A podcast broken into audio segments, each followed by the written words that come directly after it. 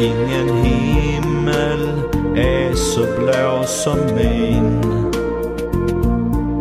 När jag ser vår Malmö lagmaskin krossa alla och en var som i gamla stora dagar. Ingen himmel är så blå som min. Hejsan och välkomna till avsnitt 1 av Himmelsblå-podden. Jag heter Gabriel Aspelin och kommer tillsammans med Måns Jeppsson här att spela in denna podcast i åtta delar. Så är du peppad Måns? Ja, absolut. Det ska bli riktigt härligt och gött att dra igång denna intervjuserie. Jag håller med och vi är ju praktikanter på Malmö FF och kommer under hösten att prata med spelare i föreningen. Vi kommer prata med spelarna om allt från Champions League-spel till eh, Framtida drömmar kanske? Vem vet? Vi får eh, helt enkelt se var samtalen leder oss. Vår förhoppning är att framställa inte bara fotbollsspelaren utan också personen. Ja, och Gabbe, sen ska vi inte glömma att tillägga att eh, dagens avsnitt är inspelat fredagen inför eh, Elfsborg hemma och PSG borta. Och därför snackar vi lite om de matcherna också. Det stämmer, det stämmer. Och det kan vara bra att veta. Ni hittar avsnittet enklast på mff.se, men även i Soundcloud och i Podcaster-appen. Och vart ska de skicka sina frågor till oss Måns? Ja, har ni då frågor och feedback om avsnittet eh, så skickar ni det till himmelsblapodden at gmail.com. Här kan ni även ställa frågor till spelarna. I detta avsnittet kommer att vi få höra Tobias Sana berätta om sin första tid i klubben, perioden i Ajax, samt om drömmen om att få öppna en restaurang. Vi började prata med Tobias om kommande höstsäsongen. Då kör vi. Varsågoda. Här är Tobias Sana.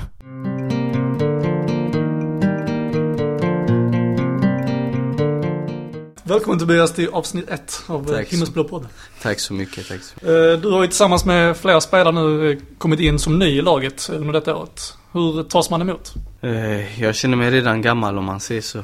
Det är ändå, för vad är det, 12 spelare som har kommit in så jag, eh, När jag kom in var vi väl sex tror jag, sex eller sju spelare. Och så har det kommit in sex spelare så, nej men man har tagit emot bra. Alltså det är en liten annan klimat och, och i Sverige kontra till utomlands, där är det mer hårt. Här är det mer gemenskap och att man ska hjälpa varandra och, och vara ödmjuk mot varandra, försöka hjälpa varandra. Självklart det är en konkurrenssituation men att man ska göra så att alla mår bra. Men mer utomlands är det lite annorlunda. Där är det, man får ha vassa armbågar så de har verkligen tagit emot mig perfekt. Hur eh, känner du själv då att ha landat som invånare i Malmö stad? Trivs du här? Eh, om jag tar det så här. Eh, Malmö självklart men också Sverige är ett fantastiskt land. Det är så enkelt att bo här och allt är perfekt. Och jag är ju svensk så, så för min del så har det varit, det spelar ingen roll egentligen var man bor i Sverige så fungerar allt perfekt. Det är klart, eh, någon håla i Umeå kanske hade varit svårt om man ska vara ärlig men eh, allmänt Sverige och Malmö har varit här. Det är en skön stad, det är chill, kompakt, det är inte lika stort som Göteborg. Men ändå, det är en skön stad, det är nära till allt så, nej jag diggar det. Hur känner du att stämningen i truppen är nu inför, eh, inför höstsäsongen då? Efter allt som har varit och Eh, allt som väntar? Nej men det är klart att, eh, att det har varit upp och ner lite. Men det är inte så att eh, vi, klart vi har varit besvikna över vissa matcher och, och vissa grejer så här, Men samtidigt så måste man förstå en omställning i trupp. Det är väldigt, alltså när man byter mycket spelare och man måste lära känna varandra hur man spelar och så sätt så. Och olika system, det tar ju sin tid. Vissa kommer ju, jag tror nästan alla vi som kom, har kommit in där som har varit ute i Europa så där har de ju olika system och det tar ju också lite tid att anpassa sig och så sätt. Men eh, jag tycker den är bra. Eh, vi visar ändå vilken moral vi har eh, att ta oss till Champions League. Det säger allt hur mycket kapacitet det finns i den här truppen och jag tror det här är bara början på något otroligt stort och det märks ändå att vi börjar lära känna varandra och det blir lättare att förstå varandra på planen och så. Så det är verkligen något stort på G. Och vi börjar närma oss slutspurten nu på Allsvenskan. Hur ser du på guldracet? Ja men det är klart, som spelare så går man alltid för guld. Eh, jag ska inte sticka under stolen och säga det är klart att det är tufft. Men allt kan hända. Jag vet att i Allsvenskan eh, så kan alla slå alla. Så är det. Och de i toppen kommer tappa poäng så det är viktigt för oss också att vara noggranna att inte tappa. Och jag tror det gynnar oss att spela mot topplag så att säga. det har vi visat förut. Mot alla topplag har vi gjort det riktigt bra. Så jag tror att det kommer vara bra. Men vi måste fortfarande ha fötterna på jorden och, och, och verkligen koncentrera oss. För det kommer bli en tuff höst. Vi, eh, vi slåss ju mot din gamla klubb IFK Göteborg här om, eh, om guldet. Hur, eh, hur skönt hade det varit att, ja dels komma före dem men att ta guldet just nu? Eh, själv, självklart hade det varit otroligt skönt. Det är klart att det, ja, den klubben, det, oftast så vill jag, det vill jag också att det ska gå bra för dem också. Men eh, hellre så är att eh, vi vinner alla dagar i veckan, så är det. Eh, så det är klart att jag hoppas det. Jag hoppas ju att de tappar pinnar, men kanske att de är nummer två bakom oss. Eh, men jag tänker då dina gamla lagkamrater i Göteborg. Har ni Ja. pikat varandra lite på sms och sådär under Eh. säsongen? Nej men alltså det, det är inte heller så att De har varit sköna mot mig, jag har varit sköna mot dem. De förstår att det här är, det är fotbolls... Alltså det är fotboll, det är så det är. Det är klart ni inför matchen och så. Så när folk ställer frågor, det är klart att eh, jag märker ju Några spelare, det är klart att vi, vi pikat varandra lite smått så. Jag kan tänka sig att Alborg har skickat ett par sms. Alborg är en king, han är en king. Men han gillar att prata mycket faktiskt. Nej men han, är- han, är, han är soft alltså. Han är en riktigt skön kille. Ja. Det är han faktiskt utanför och så men Faktiskt han har inte skickat några så här Några pikar och så. Ja, okej. Det är Bara, ändå förvånansvärt. Ja, lite. Mm. Du har ju, eller vi har ju mött både IFK Göteborg båda mötena och vunnit båda mötena. Hur skönt var det att typ tysta buropen på bortaplan och Eh, för min del har det varit speciellt. Det har varit lite konstigt men ändå skönt för att Det är som jag sa. Eh, det är viktigt för oss att slå de här topplagen och speciellt den matchen.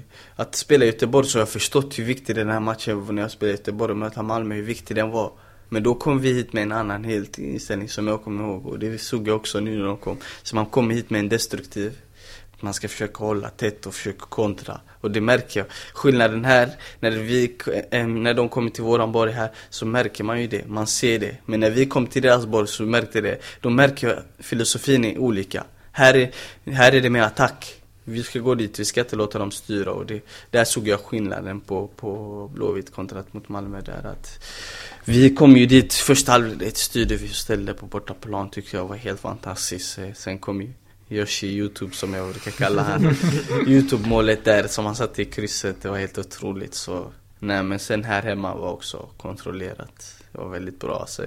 Två tuffa matcher, man vet att de aldrig ger sig. Så är det. Vi var, vi var för bra för dem. Mm. Så är det. Och hur ser du då på Champions League-lottningen? Du var inne på det innan, Champions League. Wow. Alltså det är klart att som fotbollsspelare, eh, när man ser tillbaks på karriären och kan summera matcher man har spelat så kommer ju de här vara högt rankade om man säger det, om man ser det så. Sen så, så fotboll är fotboll.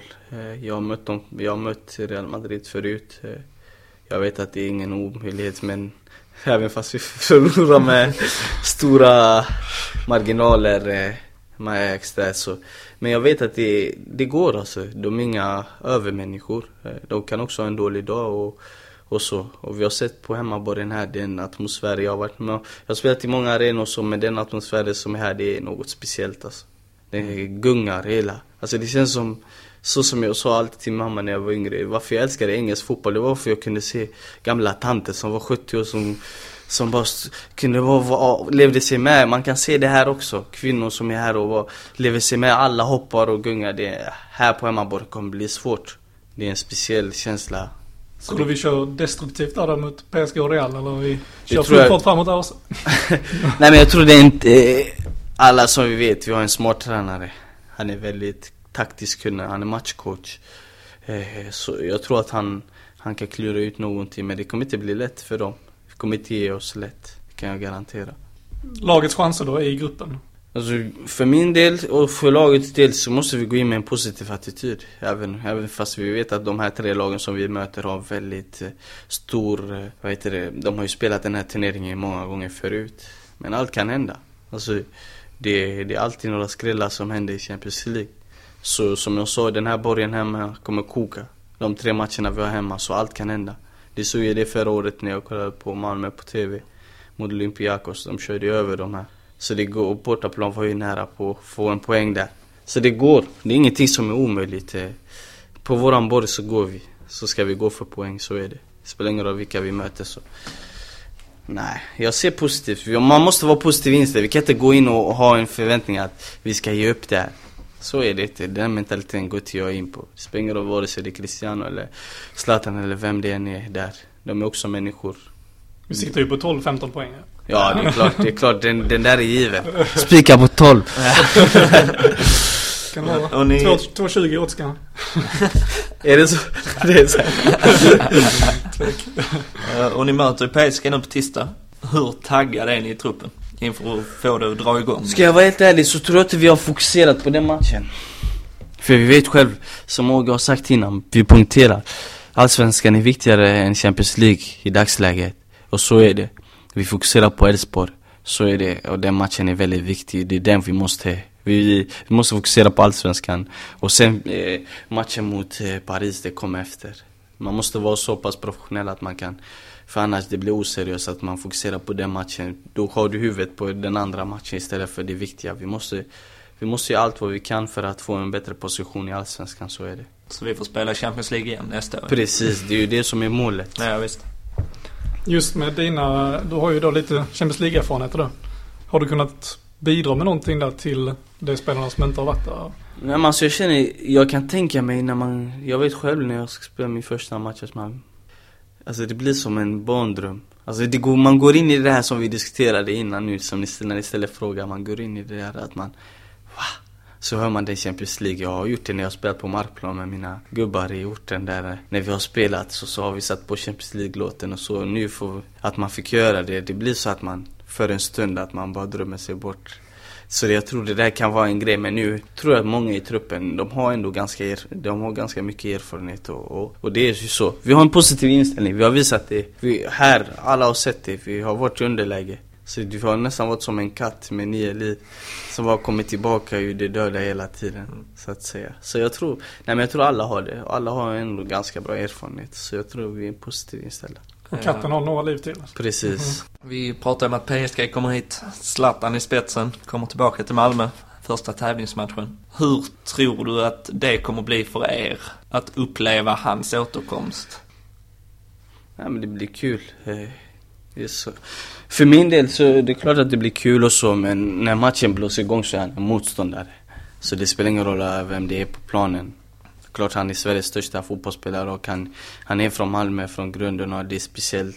Han är fostrad här och det kommer vara speciellt men när domaren blåser igång så är det, det är inte så att eh, jag tror att vi spelare kommer gå och titta på hans skor eller så. Nej, det är inte så viktigt och jag tror inte fansen heller kommer, kommer tänka på det. Då är han motståndare men sen efter matchen klart vi alla kommer applådera och, och välkomna kungen tillbaka, så är det. Det är typ som om du skulle återvända till Kviding liksom. En liten jävla fest. Eh, vi kör några snabba här nu. Yes. Eh, så höger eller vänsterytter? Vänsterytter. Favorit-tv-serie? Ja, det, man kanske inte ska säga det. Men eh, jag gillar såna knasserier som Paradise Hotel och sånt. Ja, du har dragit igång igen nu. Ja, jag, alltså jag gillar sånt. Min tjej brukar alltid säga du gillar såna drama. Men jag, jag vet jag dras för sånt även fast det inte är nyttigt. Men jag gillar det. Uh, vi sitter också spikade varje vecka. Ja. ja, då jag känner mig inte dum. behöver du inte göra. Eh, Favoritbok? Nej men det måste vara Zlatans bok då.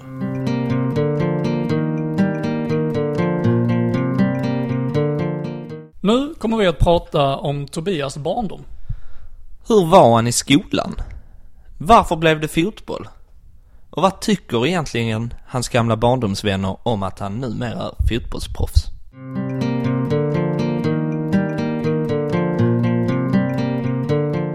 Du är uppväxt i en förort i Göteborg. Jajamensan. Kan du berätta lite om hur det var att växa upp där? Eh, nej men det var, alltså det är mycket kärlek som jag sagt innan. Eh, mycket fotboll.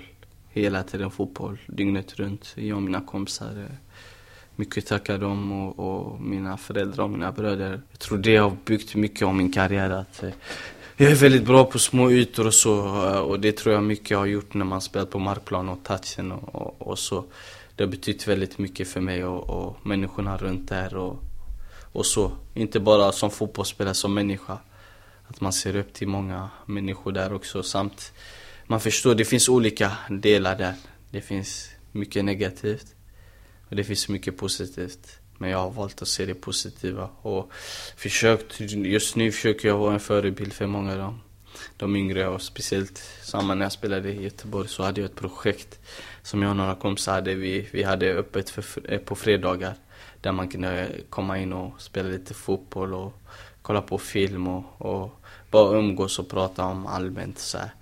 Så det har betytt väldigt, väldigt mycket för mig, eh, omgivningen och speciellt fotbollen har betytt otroligt mycket i det. Och det finns så mycket talang där, det, det är otroligt. Men det är inte det att, eh, det är svårt, många väljer fel väg och, och eh, vissa kanske tar det där som jag har haft min familj som har stöttat mig och så, så sätt. Blev fotbollen något sätt att liksom kunna, inte fly kanske, men att bara kunna se Eh, positiva liksom? Jo, det är klart att det har varit det. Eh, det har varit det, men samtidigt så ska, ska jag inte måla som att det är värsta counten eller någonting i USA. Det är inte det. Det finns mycket positivt. Men förutsättningar, det har varit, det har funnits en ungdomsgård, men den, var, den stängde ner den och då finns det inte mycket. Det finns inte så mycket att göra eh, för ungdomarna där och det tycker jag är nackdelen. Eh, så man, för min del, när jag växte upp så fanns det ändå eh, ungdomsgård som var öppen och vi kunde spela inomhus på fredagar mellan 7 till 10 och så, så då fanns det mycket, så då kunde vi spela på markplanen och sen efter gå in på hallen och spela. Så det fanns mycket att göra men nu finns det inte så mycket och då, då blir det lätt att, att människorna som, de ungdomarna ser upp till de som står på centrum och, och kanske inte har gett upp sitt liv skiter i det och då går de där snabba och ser snabba cash och, och gör det där som jag tycker inte, alltså man ska inte göra det. Tycker man ska ändå försöka vara en förebild för de yngre och visa att kriminalitet är ingen bra väg. Jag tror ett sånt projekt hade kunnat funka även i, i Malmö.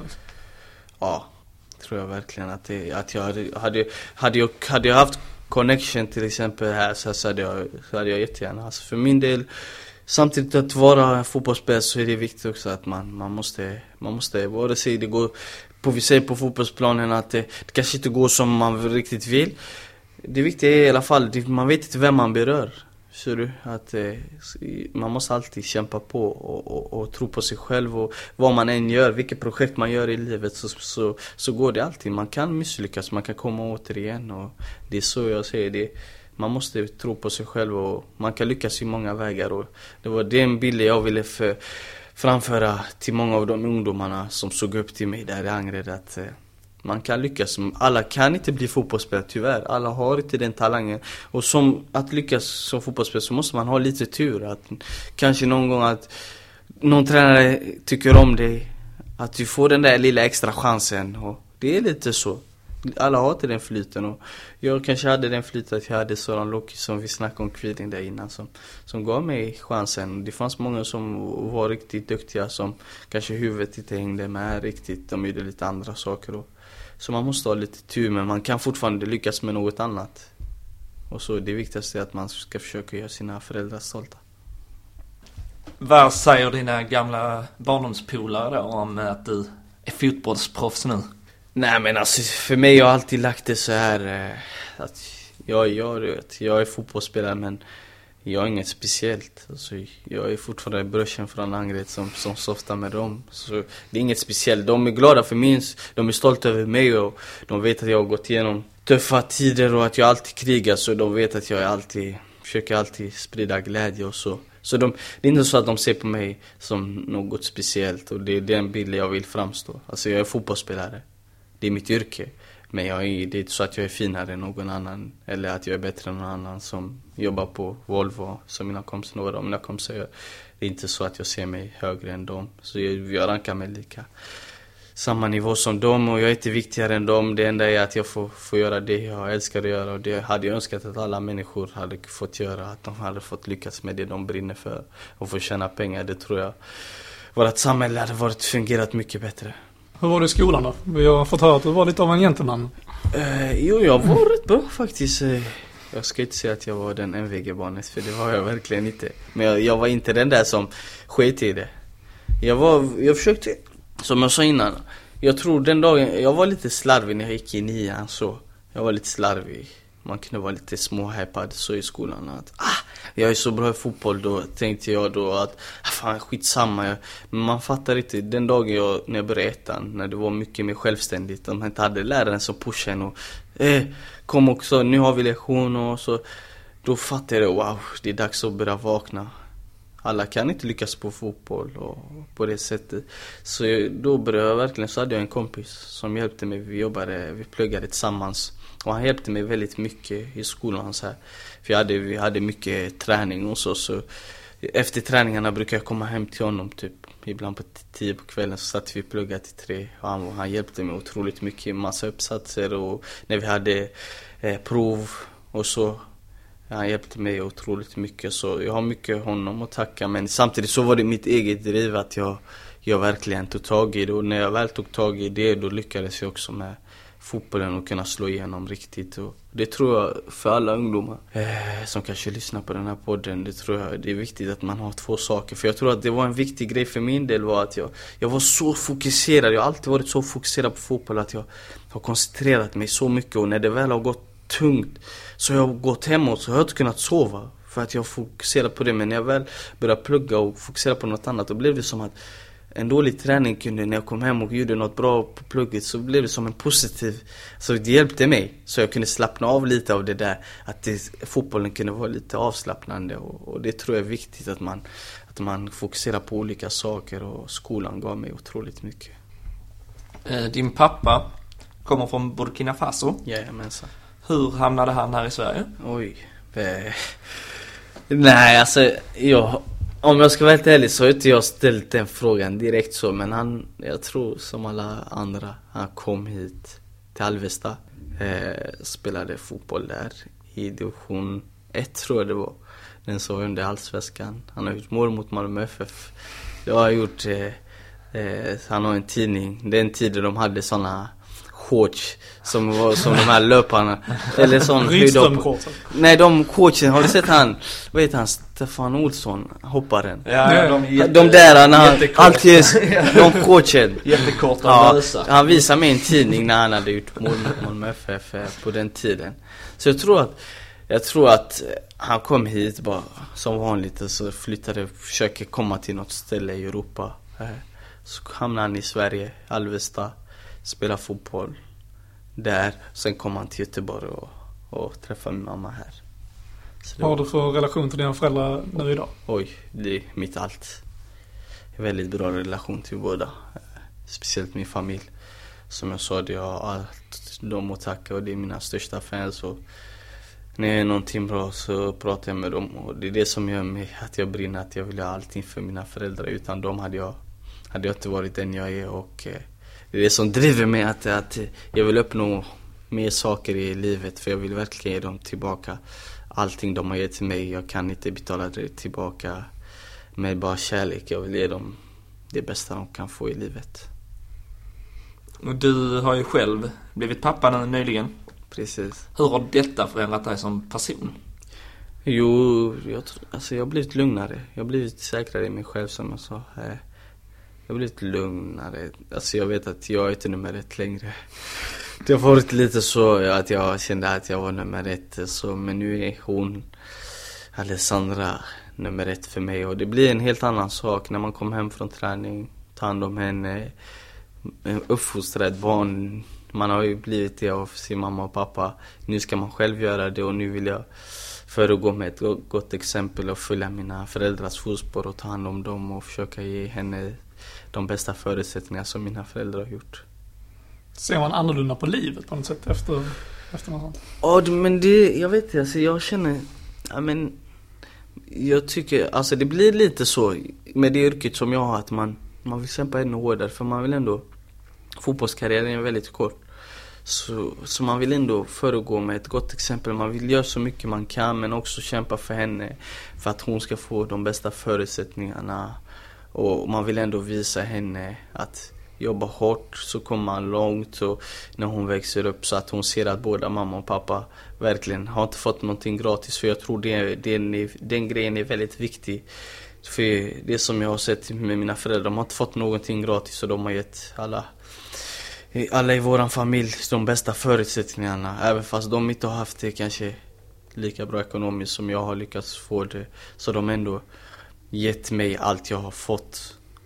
Och så, så jag vill ändå ge henne förutsättning att man får ingenting gratis, man måste jobba hårt. Kommer du också kunna visa upp en sån här bild där kanske när du gör mål mot PSG eller? Ja, det har Men lite snygga kort. Du, du får göra en fondvägg på hennes rum när Precis. du firar. Exakt. Nej men den hade varit eh, otrolig. Det är klart. Men morsan har, morsan har en, en sån eh, bok hemma som hon har klistrat ihop nästan alla artiklar som jag har haft när jag gjorde landslagsdebut och när jag gjorde Champions League, allt så här, när jag blev proffs. Så från Kvidingtiden till nu har hon limmat ihop alla artiklar så det, det blir kul. Där tror jag min eh, dotter kan eh, kolla på dem. Alla släktkalas kommer hon sitta här. nej, nej, nej. Och jag, hon måste fokusera på andra saker. Det, jag hoppas inte att hon ska vara en sån som skryter om pappa. Jag är nummer ett. Precis. Hon kanske blir fotbollsproffs. Vem vet? Eh, Målet är att hon ska bli bättre än Marta. Nej. Men frugan säger att Det hon vill att hon ska dansa så vi får se, vi får ta den batten sen när hon blir lite äldre. Men jag Hon hoppas kan att... ju fira målen med en dans. Ja, Får hon det- lite av varje? Ja, det, det tycker jag. Ja. Den där, det var bra. Det ska jag det faktiskt... får du föra fram nu under ska- middagen här. Precis, det ska jag göra faktiskt. Det var... Jag tackar för det där faktiskt.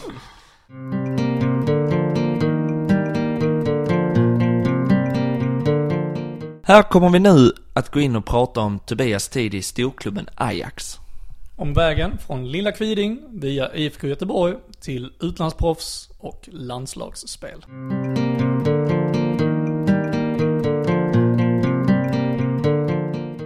Du slog ju igenom i Göteborg. Yes. Eh, 2011-2012 framförallt Yes. så var du startspelare och Precis. stöttepelare i laget. Sen blev du köpt av eh, holländska Ajax då. Varför just Ajax? Nej men alltså Jag hade lite andra eh, anbud och så här från Italien och från England och, och lite överallt Men jag kände vilken fotboll som passar mig eh, Jag är inte, som alla vet, jag är inte den där brunkaren eh, Och så, så, så jag snackade med familjen och klart min idol Patrik Klöver spelade Ajax. Så det var som en dröm gick i upplevelse självklart. Sen, vi får inte glömma, Ibra hade gått om fotspår och det är inte alla svenskar som får den chansen. Och jag tror alla i min sits hade valt Ajax. Den fotbollen jag spelar, eh, den var så attraktiv och man kunde lära sig så mycket och den tiden som jag hade där var, alltså den var väldigt lärorik. Så det var, för min del var det ganska givet för mig att ta det steget och gå dit. Kan du berätta om den första tiden i Ajax där? För den var ju väldigt, det blev ju en succé direkt ju. Wow! Ja, den var otrolig. Eh, allting gick som på räls. Eh, jag kom in i ett flow. Eh, som man kan komma in eh, i fotbollsspelare ibland. Man kan ha det här lilla flytet när allting sitter och, och, och så allting bara satt och jag var på rätt plats och målen bara ramlade in och allting flöt på och, och gjorde att eh, man kom med i landslaget och alla de här grejerna var med kanske de sjukaste matcherna i svensk historia. Vändningen mot eh, Tyskland. Eh, brände ett läge som jag inte vill minnas men nej jag skämt åsido. Jag är stolt att jag var på planen sen att jag brände linga. Det kan hända alla. Det, jag ser det tillbaka.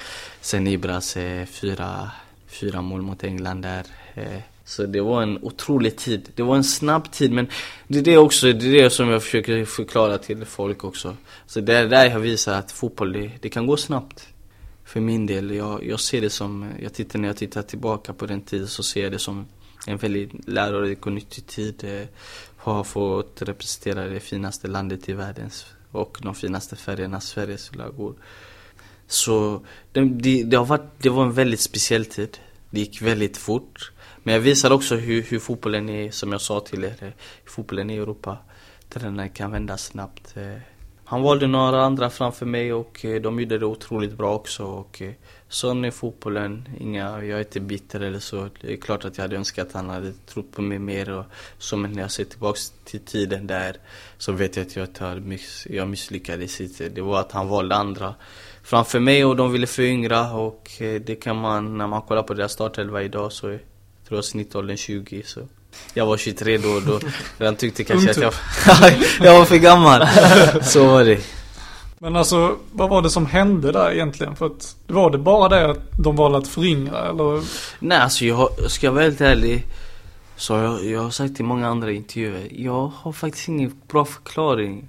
För jag har inte, som jag sa, jag är från den svenska skolan att jävla namn att man krigar till sig. Det var bara så att jag åkte hem innan julafton. Jag fick en vecka extra. Bara för att eh, de här, vi hade sån omega, vad heter det? Det är sånt test, de, de kollar eh, hjärnan och skulle kolla benen och att man är trött. Man gjorde det varje vecka, så checkade de. Satte de några proppar här vid skallen och så en här vid hjärtat. Så låg du där i fem minuter så avslappnat. Och så skulle de göra det testet och det testet var, sa de att jag såg lite sliten ut och det var ganska sunt eftersom jag hade ändå spelat många matcher i, i Allsvenskan där och, och så. Så de sa att, eh, ja, plus att det hade hänt mycket. Med all, eh, att komma i landslaget, spela Champions League och från att gå, som jag sa, från att spela mot Gävle Sista matchen förlora med 5-0 med Blåvitt och sen komma till att möta Real Madrid, Dortmund, City och sen spela mot Tyskland, England. Det är en liten omställning och, och de sa att, eh, så vi hade en konferens med tränaren, jag ville inte åka hem. Varför ska jag åka hem? Det är bättre att jag lär mig nu att... Eh, så jag sa nej, jag vill inte åka hem. Men sen så satte de sig in med, så visade de, att ah, det är bättre att du åker hem för du behöver en vecka extra. Sen när vi kommer tillbaka i januari så tar vi det här. Så jag sa jag konferens, ah, jag vill inte, jag ville verkligen inte men sen, okej, okay, så om alla de säger att jag ska göra det så får jag göra det. Så då åkte jag hem en vecka innan alla andra. Och när jag väl kom tillbaka så var det det som vi hade pratat om. Det var som bortblåst. Då var jag inte ens aktuell längre. Så jag, jag fattade ingenting. Då, från, då, från det samtalet vi hade där, det var super. Till när jag kom tillbaka, då, när vi skulle ta ut laget sa han ah, det är inte riktigt fit för du hade en vecka extra. Så då det blev som en omvänd grej till mig och så tänkte jag va, om jag, jag hade löpt stenhårt innan för att komma tillbaks och så. Och jag tror heller två veckor gör så mycket för en elitfotbollsspelare. Så att säga. Och sen efter det så var det som bortblåst. Då var jag inte aktuell längre och, och då kom några andra spelare in och gjorde det bra. Som Victor Fischer kom in och gjorde en kaoshöst där. Lika bra som jag hade gjort det innan. Så då då valde han honom och, och sen var det bara, sen efter första året så tog jag en diskussion för jag ville lämna. Jag tänkte varför ska det vara så här? Nej men då tog de ett snack igen och sa att de ville behålla mig, de tror på mig och sen var det samma karusell igen i ett år och, och sen var det dags att lämna nu i vintras till Malmö. Men eh, det florerar också ett rykte om att Frank de Boer då, eh, tränaren, slutar prata med dig. Det stämmer. Han pratade inte med mig Hur, från det, det måste ju varit jättejobbigt psykiskt framförallt. Att ha en äh. tränare som inte tar dialogen med dig. Ja, det både och. Jag hade också en tuff tid i Blåvitt som var likadan, så det var inget nytt för mig. Eh, jag har varit i den sitsen förut, så eh, Eh, hade jag varit yngre kanske jag hade kanske sneat på eh, riktigt och gjort något dumt. Men jag höll huvudet kallt. Som jag sa, jag är från den svenska skolan och, och bet det sura äpplet. Jag tror till och med att han tyckte att jag var lite konstig. För jag var alltid glad och, och, och, och var bra på träningarna. Så det som gjorde det lätt för mig, det var det att mina lagkamrater stöttade mig alltid. Alla de som ändå var ordinarie, kaptenen Sim Dion, Christian Eriks, alla de stod bakom mig och tyckte att jag förtjänade att spela. Men tyvärr, de kunde inte offra sin plats och gå och diskutera med tränaren för hmm, de märkte hur, hur lätt han kunde få bort någon. Så att säga, men alla de var bakom mig, pushade mig och de såg på träningarna att jag gjorde det bra och så. Så det, det var inte svårt för mig att hålla uppe humöret och göra det bra. Och samtidigt som jag sa, det, jag tränade ibland med de yngre, eh, Young Ajax ibland. Och eh, assisterande tränaren där, då Japstam var det. Eh, och de, de tränare som var där, de var väldigt bra mot mig. Eh, de tog hand om mig på ett speciellt sätt och de visste att, att jag inte hade gjort något fel och jag var ingen problembarn. Och, och de gav mig en ledarroll där och att jag, att jag skulle hjälpa de yngre. Så jag såg det som ett positivt drag ändå. Försöka göra det gott där, även fast jag visste att min dörr kanske var stängd. Men jag tänkte, gör du det bra på träning så kanske du får en chans till, vad var det? Innan jag skadade mig, innan sommaren så var jag skadad typ i ett år nästan. Eh, innan dess så, så gjorde det, varje försäsong så var jag ändå bland de bästa eh, som hade mest poäng och massa, min speltid nästan alltid. Så att säga. Men eh, för mig, det var, det var inget svår bit att inte prata med honom. Holland är det, de har en lite mer arrogans. Tränare han har gjort en del i sin karriär så det var lite, om han får komma till mig. Men i min värld så tyckte jag att det var hans ansvar att, eh, att ta det snacket med mig. Nu måste vi kolla, du pratar väl med Åge nu ja men det är klart att vi, Ja, ja, vi, vi, vi, vi, det är lite enklare här. Ja, ja. Jag var tvungen att helgardera det.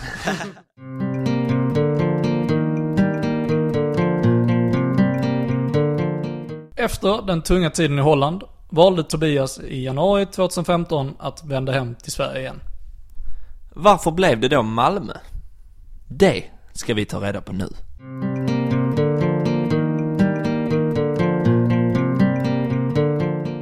När du kom till Malmö, vad hade du för förväntningar? Nej men alltså det är klart att jag, jag har haft väldigt höga förväntningar på spel och så. Eh, men sen som jag sa, fotboll är en färskvara. Sen har jag vetat själv i mig själv att den där skadeperioden som jag hade ett år där, den, den har satt sina spår. Eh, och så det har varit lite tyngre i kroppen men jag känner att jag är på G eh, och så sätt så för min del, jag, jag har varit, som jag sa innan, jag har varit i tuffa perioder förut men jag ser inte det här som något jättetuff. Spelarna som har spelat framför mig har gjort det otroligt bra. Eh, och eh, tränarna har valt de spelarna och de har gjort det bra och det är bara att acceptera. När man väl får chansen så får, så får man ta den. Och det är så jag ser på, på saker och ting. Och som jag sa, Malmö spelar i Champions League. Det, I en Champions League-trupp så ska det vara, så ska det vara otroligt, ja, så ska det vara tuff konkurrens. Och, och det räknar jag det med. Vilka har blivit dina bästa polare i laget här då? Eh, det är Ado, givet. Eh, Ado är min gubbe. Eh, vi har ju ändå lite samma bakgrund. Eh, min farsa pratar hans språk. Jag har mitt hus i Ghana. Så alla mina släkter är ghananer. Så pappa pratar samma språk som honom. Så det blivit ganska givet. Jag och han gick lika bra. Och så sen Joshi också är rätt bra. Min tjej och hans tjej pratar ju samma språk. Och jag pratar samma språk som min tjej så, så det blir de två Kawaii också självklart. Eh, bästen där. eh, han också. Men det är lite det, pa. Det är de gubbarna och sen Agon. Eh, jag, alltså det är inte så att jag umgås med honom utanför men jag klickar med många i laget faktiskt. Härligt. Nu kommer vi in på ett litet segment här. Eh, Vi kommer återkommande under podden att eh, låta spelarna sjunga låten som supportrarna har gjort till dem. Och i och med att du inte riktigt har fått en ramsa än Precis. så har vi då komponerat ihop en. Såklart. Det måste vi göra då. Så att med reservation för att det blir en jättehit så tänkte vi att vi kör den. Ja, sen så perfekt. får vi hoppas att klacken hänger på där senare. Jajamensan. Tobbe, Tobbe, Tobbe Sanna har kommit för att stanna. Tobbe, Tobbe Sanna för att finna glädje.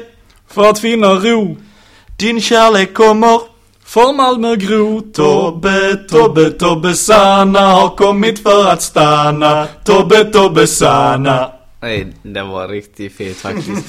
Den var, den var grym alltså. Wow, vilken... Nej, den där var riktigt bra, det måste jag tackar. Har ni skrivit den själv? Ja. eller?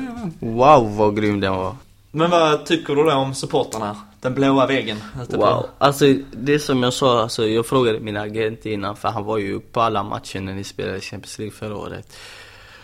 Så frågade han, hur var stämningen? Och han ändå, som agent så åker du ändå på många bort. Han har ändå varit i Amsterdam Arena och många olika. Men sa, stämningen på Malmö stadion, det är det bland det sjukaste han varit med om. Och jag såg det, alltså jag kände det också här mot Salzburg.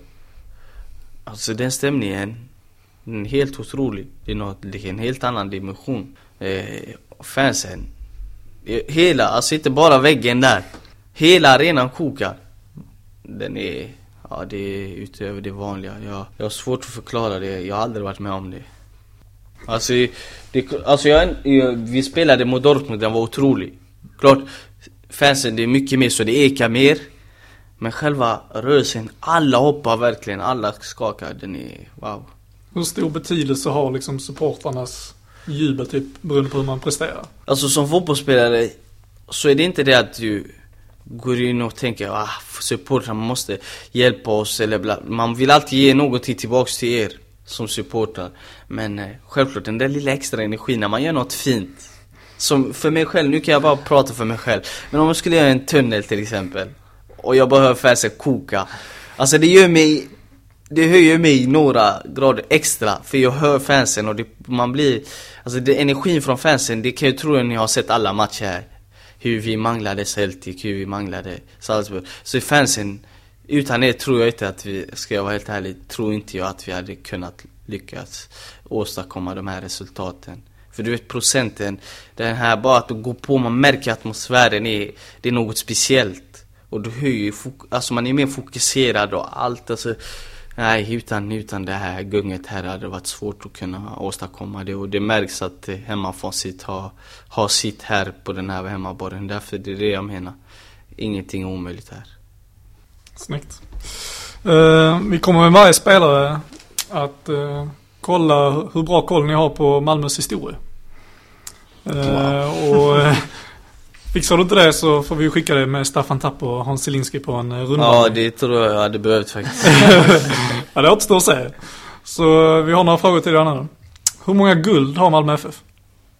21. Äkta Malmö direkt. Ja, det är äkta Malmö. jag vet det för det var ju massa diskussioner i tiden. ja, visst. Det var ju några från din gamla hemstad som klagade på det. jag vet, jag var, jag var till och med där då. Men då vet vi att han är i Malmö nu. Ja, När bildades Malmö FF? Den bildades eh, 1910.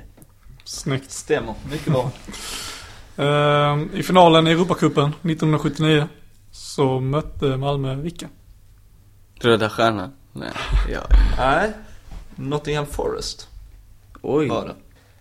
En i tränarstaben i Malmö FF har gjort 588 matcher för klubben, varav närmare 300 ligamatcher. Olof Persson. Mm, nej. Eller, är det inte? Nej, men då är det ju Fedel. Ja. Det är givet. Johnny Fedel. Jag tänkte direkt. Den var ju given. Den där har du koll. Johnny, Johnny. Det här är ju ruggigt klurigt alltså. Vem har gjort flest mål i Malmö FF? Mest mål? Vi börjar så här då. Hur många mål kan det vara då typ? På 350 matcher så gjorde han? Han måste ha gjort galet mycket. 200. 341 mål gjorde Hans Håkansson. På hur många matcher? 350. 350 matcher, 341 mål. Wow. Bättre än Cristiano Messi nästan Ja, fan. det är det. Herregud. Han kan inte haft måltorka någon. Han inte. Han vet hur det känns. Han har aldrig haft en dålig period i livet.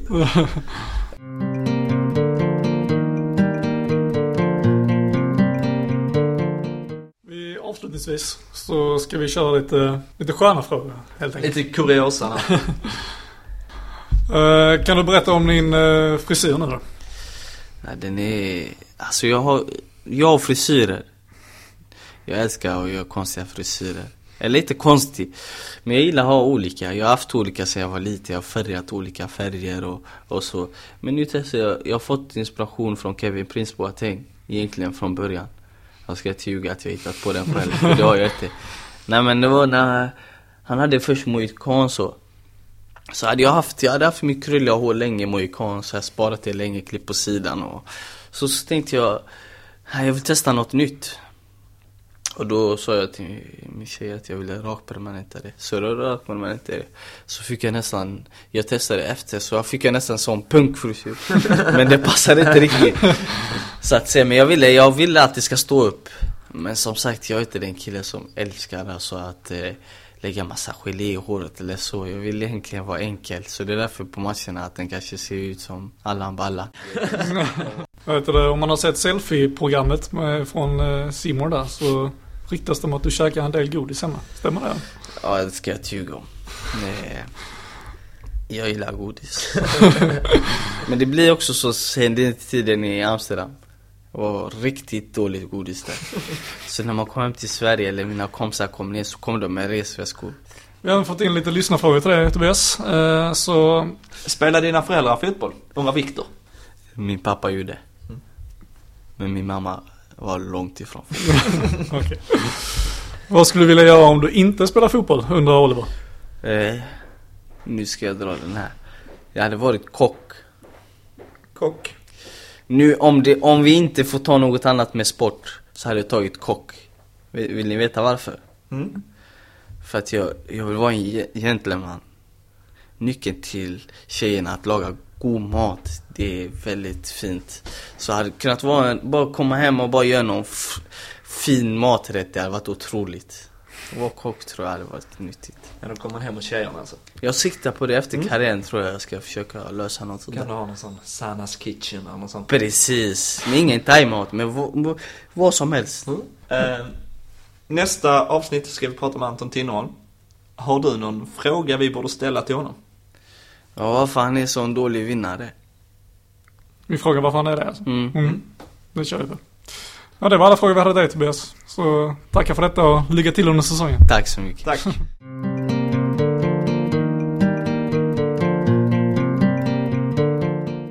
Vi tackar än en gång Tobias för att han ställde upp i podden.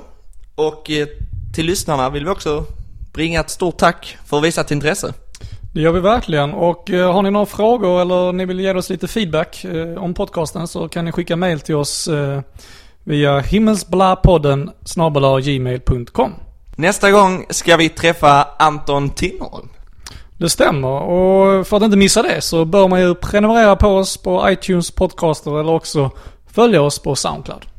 Och glöm inte att eh, även hålla utkik på eh, mff.se eh, där ni lättast hittar avsnittet. Yes, och jag får väl tacka för denna gången Måne.